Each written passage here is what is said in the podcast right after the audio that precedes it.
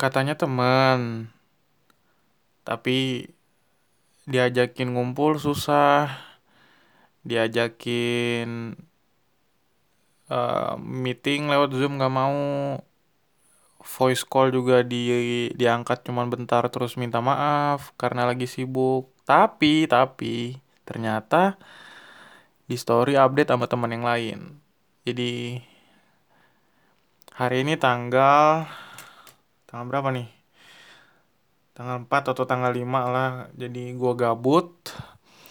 Karena besok bukan besok uh, malam ini gue harus OTW Moskow untuk ngurus dokumen.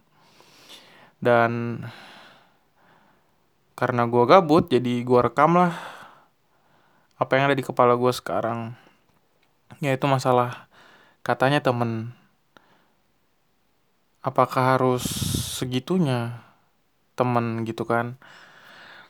Uh, sorry suaranya nggak kayak biasanya. Biasanya gue pakai uh, bukan clip on sih sebenarnya. Gue pakai mikrofon eksternal supaya suaranya uh, agak mengurangi noise gitu. Tapi sekarang karena gue udah packing itu semua barang-barang yang ribet jadi sekarang gue rekam langsung colok langsung pakai HP nggak pakai apa-apa. Jadi kalau suaranya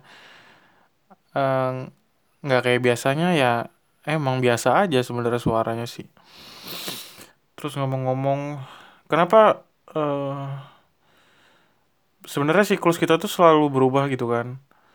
Kalau ngikutin siklus sekolah sekolah aja tuh kita minimal wajib belajar SD 6 tahun SMP 3 tahun terus tambah lagi SMA 3 tahun dulu gitu kan jadi totalnya kita tuh 12 tahun sekolah wajib, wajib sekolah dan itu pasti teman-temannya ganti-ganti dong gitu. Kecuali kalian di satu circle yang sama terus mau mulai sekolah yang sama, misalnya dari playgroup kalian udah mulai sekolah tuh barengan. Terus tiba-tiba pas wisudaan TK, ya kan sekarang kan lagi ini ya lagi lagi zaman gitu kan wisudaan TK udah pakai toga tuh dari dari dari playgroup gitu kan dari uh, dari playgroup dari taman bermain kanak-kanak tuh udah pakai toga. Ya nggak wajar sih udah anak-anak sekarang tuh udah dewasa duluan. Karena dari kecil aja udah udah toga segala macam seremoninya.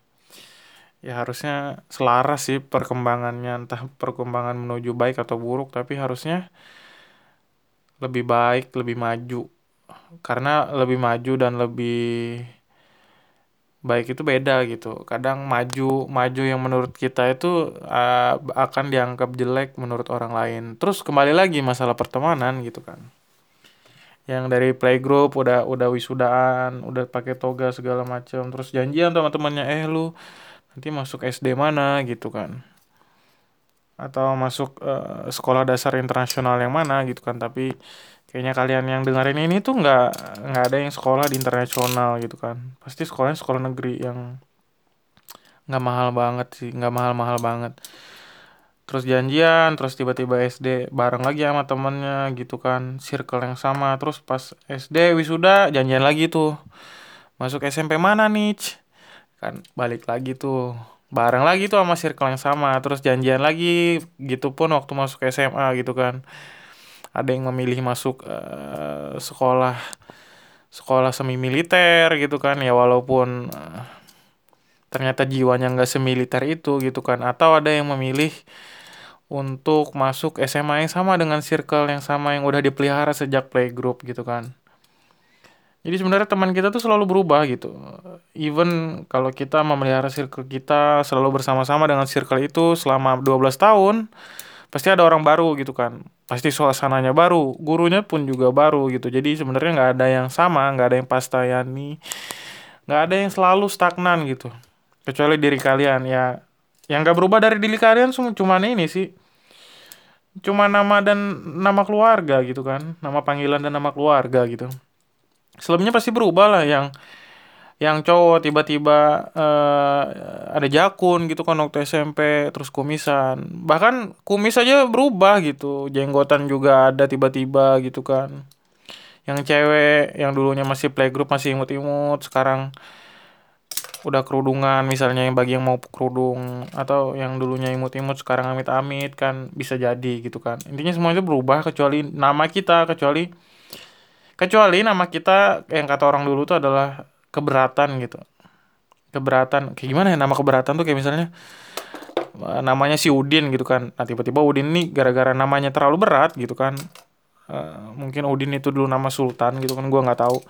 Tiba-tiba sakit-sakitan tuh. Nah kata orang dulu kalau ganti nama itu bisa meringankan bebannya gitu. Jadi nama bisa bisa berupa beban. Nah, selebihnya kita berubah, kita kita bertumbuh, circle kita juga pasti berubah gitu. Karena nggak akan ada circle yang selalu sama kecuali kecuali ayam yang dipelihara di peternakan gitu. Terus selalu circle-nya sama. Uh, selalu uh, apa ya perubahan itu selalu sama gitu setelah dia bertelur telurnya diambil setelah dia bertelur telurnya diambil kalau udah ketuaan dibunuh gitu kan ya udah gitu aja terus gitu bahkan dia dia nggak tahu tuh namanya siapa tuh saking saking saking stagnannya hidup di per, peternakan ayam potong atau ayam pertelur gitu kan. Dia nggak tahu namanya siapa yang dia tahu cuman tiap hari ngaremin telur gitu kan. Udah bertelur diambil lagi telur lagi gitu aja terus tuh sampai sampai ini sampai menopause. Apalagi gitu kan circle pertemanan kita yang selalu eh, berubah gitu kan. Kita aja berubah masa teman gak berubah dan menurut gue biasa aja sih uh, pertemanan berubah. Bahkan gue dulu pernah ya TK apa SD gitu tuh gue selalu berpindah-pindah selama uh, tiga bulan gitu atau tiga bulan atau tiap enam bulan sekali itu pindah gitu. Bukan karena di DO bukan karena di drop out bukan karena nggak pinter bukan karena bukan karena apa ya bukan karena gue dikeluarin atau bukan karena gue nggak bisa ngikutin tapi karena lingkungan gue saat itu tuh susah gitu untuk untuk hidup stagnan gitu. Jadi gue pernah sekolah di Jawa Timur di Jawa selama berapa bulan gitu gue lupa terus pindah ke Bandung. Gue sempat belajar bahasa Bandung itu sekitar berapa tahun atau mungkin setahun atau dua tahun gue lupa. Terus lalu pindah ke Kalimantan. Nah itu Kalimantan tuh mungkin terakhir. Tapi di sebelum gue permanen resident di di di kota gue yang sekarang gue pernah juga di Pangkalan Bun gitu itu untuk beberapa tahun. Ya gitu sih intinya. Intinya hidup gue tuh serandom itu. Bahkan gue dulu lupa gitu teman SD gue siapa aja. Kecuali SD gue yang udah yang udah gue udah jadi permanen resident di kota gue sekarang gitu. Mungkin gue agak-agak ingat gitu teman-teman gue cuman mereka juga kenal gue waktu gue baru pindah waktu transfer gitu kan jadi gue walaupun kuliah gue nggak transfer transferan gitu kan gue sejak SD udah transfer ke sana kemari gitu kan. Jadi yang ngapain gitu udah pernah nggak usah transfer transfer lah. Temen gue di btw gue bu, btw gue bukan di sekolah dasar gue di madrasah ibtadi iya gitu waktu tiga tahun terakhir gue waktu di SD itu. Jadilah gue uh, jadi orang yang mungkin karena lingkungan gue tiba-tiba religius gitu kan ya aneh aja sih menurut gue kalau lu ada di lingkungan religius tapi lu nggak religius gitu kan. Mungkin ada yang salah sama pilihan lu atau tempat lu sekarang gitu. Tapi gue nggak merasa religius itu sebuah gangguan. Religius itu masalah lingkungan gitu kan. Untungnya gue di lingkungan itu dulu gitu. Kalau misalnya gue di lingkungan penyamun atau preman mungkin gue udah udah bandel banget anjir dulu. Tapi untungnya enggak gitu kan. Terus setelah itu karena gue udah masuk madrasah tadi ya akhirnya gue punya teman kan beberapa gitu. Akhirnya pertemanan pun berjalan gitu kan. Walaupun ada beberapa yang nggak nganggap gue teman gitu kan. Ya biasalah uh, nama preferensi pertemanan kan beda-beda. Ada yang milih pertemanan kalau karena dia gaul gitu kan. Gaulnya anak SD dulu tuh ini apa namanya? Ketika lu udah punya sepeda gitu kan naik sepeda ke sekolah tuh kayak lu orang kaya tuh udah naik sepeda gitu kan ke sekolah sementara yang lain naik angkot gitu kan. Dan gue dulu bukan anak yang gaul gitu. Dulu dulu gue nggak naik sepeda. Dulu gue pulang naik angkot berangkat diantar sih ke sekolah gitu kan. Akhirnya dari sekian banyak teman gue akhirnya mulailah ke filter gitu kan. Setelah lulus madrasah ibtidai ibtidaiyah gue masuk tuh ke madrasah sanawiyah ya lu tau lah setting settingan uh, template-template orang yang udah terlanjur di lingkungan religius biasanya ngel ngelanjutin tuh ngelanjutin sekolahnya di sekolah yang berlingkungan religius juga gitu. Tentunya bukan karena pilihan gua tentunya itu pilihan atau saran dari orang tua gue gitu. Ya gue waktu itu belum punya pandangan apa pun tentang dunia mungkin. Mungkin juga internet belum ada jadi gue nggak sefrontal sekarang gitu nggak serandom nggak random random banget kayak sekarang dan setelah itu tetap tuh tiga tahun waktu gue di madrasah sanawiyah gue tetap di lingkungan yang religius walaupun agak metal juga sih sebenarnya. Gue kira uh, di lingkungan itu gue cuman tahu hal-hal yang baik gitu kan. Ternyata macam-macam juga isinya dan ya sekolah religius juga namanya sih namanya religius madrasah gitu kan. Cuman tetap isinya manusia-manusia yang bisa salah setiap manusia punya dosanya sih intinya kayak gitu. Dan eh, setelah lulus dari situ itu mulai random tuh kehidupan gue tuh. Random banget gitu. Gua dulu masih bandel gitu kan bandel main ke warnet. Gua lupa SMP apa SMA ya gua mulai bandel ke warnet tuh. Tapi kayaknya gua bandel dulu tuh bandelnya main ke warnet tuh nggak bilang-bilang. Cabut ke warnet lah intinya ngebohong intinya gua ngebohong dulu bandel gua kayak gitu tuh sama adek gua tapi adek gua tuh kayaknya udah tobat duluan tuh gua gua masih gitu kan setelah itu gue tiba-tiba dengan randomnya gue masuk sekolah menengah kejuruan atau dulu namanya STM tuh.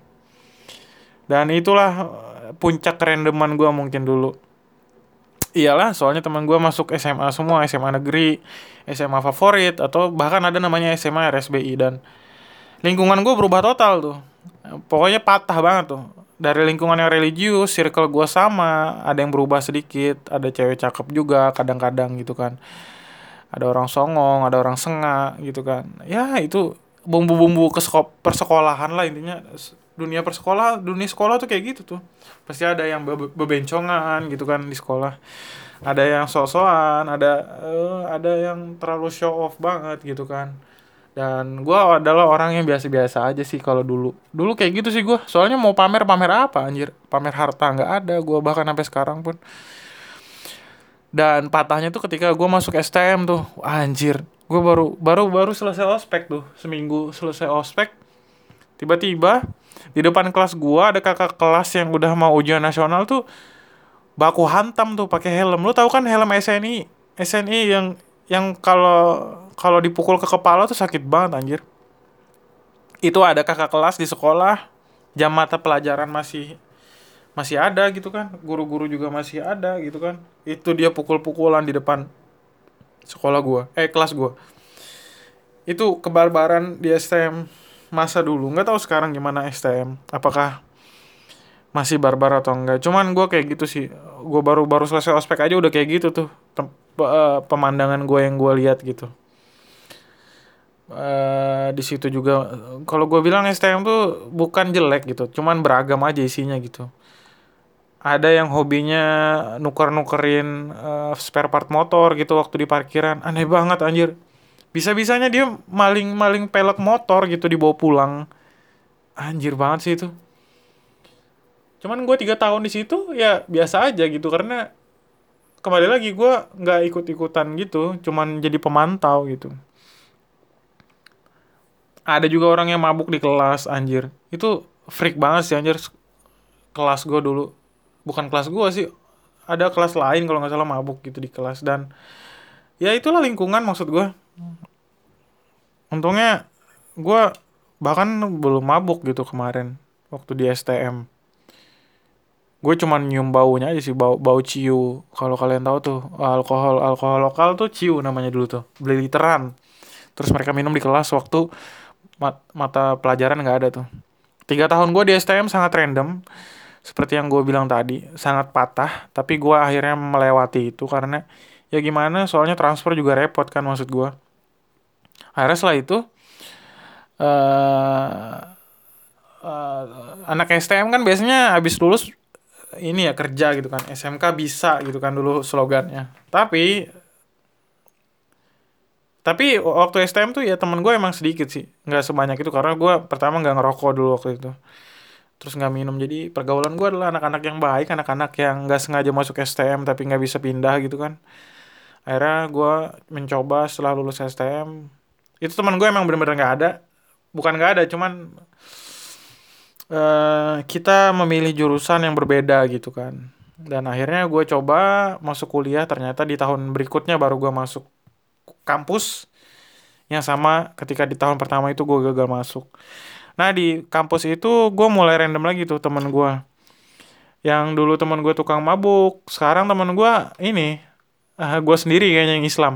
Yang Islam gue sendiri itu dulu waktu di kampus di circle gue waktu itu. Circle pertemanan gue waktu kuliah tuh nggak ada yang nggak. Ada tiga teman gue yang Islam dan sisanya Kristen semua lu bayangin. Dan itu ya gue tetep tetep aja gitu. Bahkan gue saking kagetnya tuh mereka yang bukan Islam ketika gue bilang uh, kan biasanya kalau kalau juhur kan enak tuh enak uh, enak banget tidur tiduran di selasar masjid gitu kan angin sepoi sepoi karena Indonesia panas kan. Dan mereka ikut gue di situ lu bayangin. Mereka ikut nunggu gua sholat juhur di masjid gitu. Dan mereka biasa aja gitu. Kembali lagi sih sebenarnya circle tuh kadang mempengaruhi kadang juga malah circle itu sangat toleransi gitu. Dan toleransi menurut gue tuh sangat fleksibel nggak bisa dibatasi misalnya. Ketika lu apa namanya ketika lu ngucapin selamat selamat Natal lu tiba-tiba dibilang kafir segala macam enggak. Toleransi itu fleksibel selama lu kiblat nggak berpindah itu sih intinya. Dan circle gue yang waktu kuliahan itu emang beda banget karena karena gue kan telat tuh masuknya jadi otomatis circle gue yang di per perkuliahan tuh circle baru dan baru lagi gitu. Jadi otomatis gue ada tiga circle nih kalau gue simpulin. Circle gue di, di lingkungan religius circle gue di lingkungan STM circle gue di perkuliahan gitu. Dan di perkuliahan pun kan ada empat tahun tuh gue kuliah empat tahun. Di tahun terakhir circle gue mulai hilang semua tuh. Karena ya namanya juga manusia ya kadang konflik segala macam slack dan akhirnya akhirnya teman gue cuma dua atau tiga atau empat gitu sampai lulus dan it's okay karena menurut gue konflik tuh emang natural nat nature-nya manusia gitu kan. Lu nggak konflik sama temen tuh aneh menurut gue berarti argumen lu selalu iya iya aja tanpa ada perbedaan pendapat gitu dan akhirnya gue sampai lulus pun uh, circle gue berubah banget sangat sedikit gitu kan dan itu biasa karena ya nggak ada yang circle selalu selalu awet gitu kan. Pasti ada konflik segala macem dan akhirnya gue lulus dengan uh, orang dengan pertemanan yang sedikit. Lalu kemudian akhirnya gue gabut kan. Circle gue tuh yang yang terakhir di Indonesia itu adalah circle ketika gue uh, ngambil kelas bahasa di kampung Inggris tuh. Di Kediri. Itu circle gue bener-bener random. Ada di situ isinya tuh macam-macam tuh ada anak-anak baik anak pesantren ada anak bandel tapi nanggung gitu kan. Ada ada bocah SMP tapi udah mulai ngerokok gitu kan. Ada yang berangkat bilang kursus kursus ke kediri dari dari dari pulau mana gitu gue lupa. Tapi kerjaannya tiap hari main mobile legend tuh. Ada yang kayak gitu. Terus ada juga yang uh, apa namanya yang ngaco sih. Intinya banyak uh, di situ tuh tempat perkumpulan orang bingung gitu dan itu circle gue yang terakhir gue ketemu banyak orang gue ketemu or banyak orang gagal karena kebanyakan orang ke situ tuh karena gagal masuk kuliah, gagal masuk sekolah, gagal dapat beasiswa, akhirnya mereka pelariannya ke situ tuh daripada di rumah kan ditanya-tanyain kapan kawin, kapan kuliah, kapan kerja, mending gue belajar bahasa Inggris gitu kan di kediri gitu kan. Dan setelah itu eh gue ketemu juga temen gue yang ngajakin ke Rusia si Fawas tuh di kampung Inggris gitu. Jadi circle tuh nggak ya wajar lah circle berubah tapi selain circle berubah akhirnya perubahan itu juga membawa uh, perubahan banyak gitu di hidup gua mungkin waktu itu. Karena kalau gua nggak ketemu dia mungkin gua nggak akan ke Rusia gitu sekarang. Terus selanjutnya gua di Rusia tuh circle gua yang aneh-aneh banget tuh ada nih. Uh, gua di salah satu kota bukan di Moskow karena gua ngambil di Moskow saat itu di circle ini gua aneh banget. Uh, sekarang dominannya banyak yang muslim gitu di sini. Satunya masih bocah gitu kan seumuran adik gue nomor dua. Terus juga ada bapak-bapak udah PNS gitu kan punya anak satu sekarang udah dua. Terus satunya temen gue beda kampus anak kesehatan gitu. Dan dia non Islam gitu kan. Dan lagi-lagi circle gue tuh selalu aneh gitu sih gue nggak tahu teman asik-asik ada gitu kan teman rame-rame ada teman serius ada gitu kan teman ceng-cengan juga ada gitu. Semuanya aneh gitu. Itu circle gue di kota Tambov sini gitu kan. Nah setelah itu gue banyak ketemu orang-orang baru gitu kan. Ketemu lalu berteman di jalan tuh sering gitu. Nggak sering sih karena gue baru jalan sekali. Gue ketemu beberapa orang ketemu ibu-ibu juga ada gitu kan. Dan ibu-ibunya lumayan baik gitu kan dan ya itu sih intinya. Selalu ada perubahan selalu ada penyesuaian gitu kan. Dan perubahan tuh pasti nggak enak gitu kan. Cuma balik lagi kalian kalian mau uh, kalian mau jadi tetap orang yang itu itu aja kah? Uh, yang selalu mengeluh ketika disakiti gitu kan? Atau ya udahlah ya orang pasti berubah gitu. Ya ada yang kayak gitu tuh. Nah jadi gitu. Uh, nggak nggak semua perubahan tuh nyaman gitu. Dan tapi tetap tetap perubahan terus perubahan terus dirasakan karena ya kali lu eh, nggak uh, mau berubah emang lu siapa gitu pertama. Jadi perubahan pasti nggak enak tapi ya kita harus berubah gitu harus menyesuaikan dan kalau lu punya circle pertemanan yang berubah juga it's okay gitu menurut gua. Selama perubahan itu masih ada benefitnya masih ada positifnya ya it's okay just terima aja gitu perubahan itu. Karena semua perubahan pasti nggak enak gitu. Tergantung kita aja tuh ngeliat perubahannya gitu. Ambil yang baiknya aja yang jelek ya udahlah ya gitu. Karena semua orang punya dosanya masing-masing. Semua orang berubah. Semua orang punya apa ya goalsnya masing-masing gitu. Mungkin itu yang bisa merubah pertemanan atau circle kita gitu. Karena goalsnya mungkin. Karena keadaan hidup gitu atau purpose lain yang nggak bisa mereka jelasin tapi mereka harus berubah gitu. Dan ya itu sih intinya circle itu pasti berubah.